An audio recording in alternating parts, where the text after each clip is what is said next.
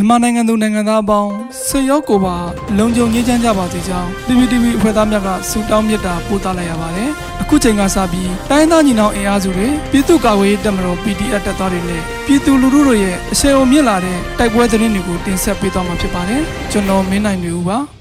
။ပထမအဦးဆုံးအနေနဲ့တနစ်အတွင်း MNDAA နဲ့စစ်ကောင်စီတိုက်ပွဲများတွင်စစ်ကောင်စီဘက်မှ300အထက်သေဆုံးခဲ့ပြီး လက်နက်ခဲယမ်းအများပြားသိမ်းဆည်းမိတဲ့သတင်းတင်ဆက်မှာပါ2021ခုနှစ်ကာလအတွင်းကိုကတ် MNDAA နဲ့စစ်ကောင်စီတိုက်ပွဲများတွင်စစ်ကောင်စီဘက်မှစစ်သား300ဦးအထက်သေဆုံးခဲ့ပြီးလက်နက်ခဲယမ်းအများပြားသိမ်းဆည်းမိကြောင်းကိုကတ်တခုတ်ခန့်ကသတင်းထုတ်ပြန်ပါတယ်တနစ်တာအတွင်းအဓိကလုပ်ငန်းမှာစစ်ရေးဖြစ်ပြီးစစ်ကောင်စီနဲ့တိုက်ပွဲစုစုပေါင်း133ကြိမ်ခန့်ဖြစ်ပွားခဲ့ပြီးစစ်ကောင်စီဘက်မှထိခိုက်ကြရှုံးသူမှာ300အထက်ရှိက လက်နက်ခဲယမ်းအမြောက်အများတင်စီရမိတယ်လို့သတင်းထုတ်ပြန်ထားတာပါယခုနှစ်ကုန်ကနီးဒီဇင်ဘာလနောက်ပိုင်းတွင် MNDAA နှင့်စစ်ကောင်စီတပ်များတိုက်ပွဲဆက်လက်ဖြစ်ပွားလျက်ရှိကြောင်းသိရှိရပါတယ်ဒီဇင်ဘာလ28ရက်နေ့မှ29ရက်နေ့အထိစစ်ကောင်စီဟာမုံကိုခရိုင်ဖောင်းဆိုင်ဒေသရှိမြန်မာအမျိုးသားဒီမိုကရက်တစ်မဟာမိတ်တပ်မတော် MNDAA ကိုကန့်ရဲ့မန်ရန်တပ်စခန်းကိုလက်နက်ကြီးများစစ်တပ်နံများဖြင့်ပစ်ခတ်တိုက်ခိုက်ခဲ့ကြောင်းနေ့ရက်အတွင်း စုစုပစ်ခတ်တဲ့လက်နက်ကြီးကြီးမှာ400ကျော်ခန့်ရှိပြီးစစ်တပ်နက်ကြီးမှာ900ကျော်ခန့်ရှိခဲ့ကြောင်းတကူခန့်ကဆိုပါတယ်ဒီဇင်ဘာလ29ရက်နေ့ညနေ15:50မိနစ်ခန့်တွင်စစ်ကောင်စီနှင့်မြန်မာအမျိုးသားဒီမိုကရက်တစ်မဟာမိတ်တပ်မတော် MNDAA ကိုကန့်ဟာမုံကိုခရိုင်နန်ဆူဒေသတွင်တိုက်ပွဲဖြစ်ပွားခဲ့ပြီး MNDAA ဘက်မှလက်နက်ခဲယမ်းအချို့သိမ်းဆည်းရမိကြောင်းအလားတူကိုကန့်ခရိုင် ဟုံရှင်းဒေသရှင်းတန်အုပ်စု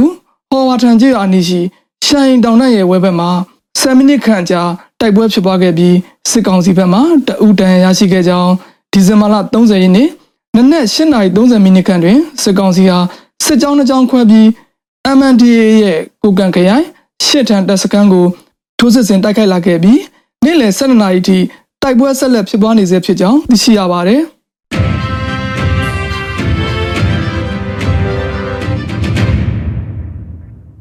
ဆက်လက်ပြီးနေမြေကျူးကျော်လာတဲ့စစ်တပ်ကို KNL ကနှစ်ကြိမ်ဝင်တိုက်ပြီး AK တနက်တက်လက်သိမ်းဆီးရမိပြီးယမန်နေ့ကော့ဂရိတ်တိုက်ပွဲတွင်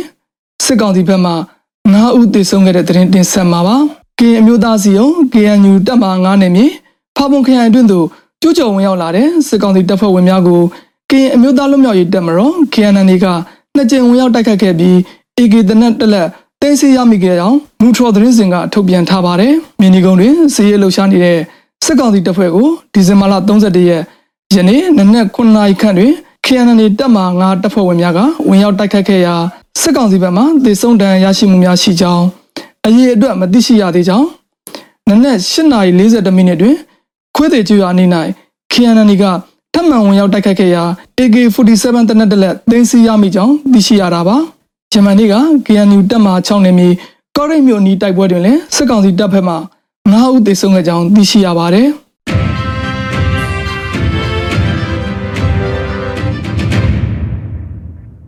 ဆက်လက်ပြီးတင်ပြမှာကတော့ပလဲတွင် drone ဖြင့်ဘုံကျက်တိုက်ခိုက်မှုစစ်ကောင်စီတပ်သား9ဦးသေဆုံးပြီး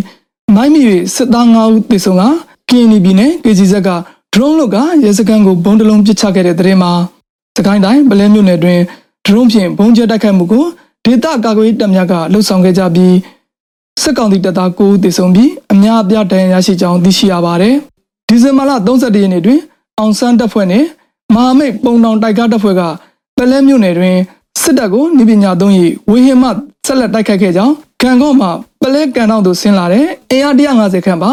စစ်ခွေးကားတန်းကိုအကြိုထွက်လာတဲ့ကန်တောင်ရဲစခန်းမှစစ်ကောင်စီတပ်ကိုကန်တောင်ရွာအနောက်ဘက်တစ်တော်ရုံနီးအရောက်နနက်10:39မိနစ်တွင်တစ်ချိန်နမတောင်မှစတင်ထွက်ခါလာတဲ့ စစ်ခွေးကားတန်းအားမဖက်ချိုင်ကျွရအနီးနေ့လယ်10:19မိနစ်တွင်တစ်ချိန်ရင်ကားတန်းကိုပင်ကန်တောင်ရွာအနောက်ဘက်တစ်တော်ရုံအနီးရောက်ညနေ3:24မိနစ်တွင်တစ်ချိန်စုစုပေါင်း3ကြိမ် drone ဖြင့်ဘုံကျဲချကြောင်းအဆိုပါဘုံကျဲမှုကြောင့်ကိုးဦးသေဆုံးခဲ့ကြောင်းသိရှိရတာပါ။ယင်းအပြင်မဟာမိတ်ပုံတောင်တိုက်ကားအဖွဲ့ကရင်းစစ်ကားတန်းကိုတပြိုင်တည်းမိုင်းဆွဲတိုက်ခိုက်ရာ9ဦးသေဆုံးခဲ့ကြောင်းသတင်းထုတ်ပြန်ထားပါသေးတယ်။အလားတူ KNY ပြည်နယ်တွင် KCZ တပ်ဖွဲ့ကဒရုန်းဖြင့်ရဲစခန်းကိုဒီဇင်ဘာလ25ရက်နေ့ကဘုံကျဲချခဲ့ကြောင်း KCZ ရဲ့စာမျက်နှာမှာတရားဝင်သတင်းထုတ်ပြန်ထားပါတယ်။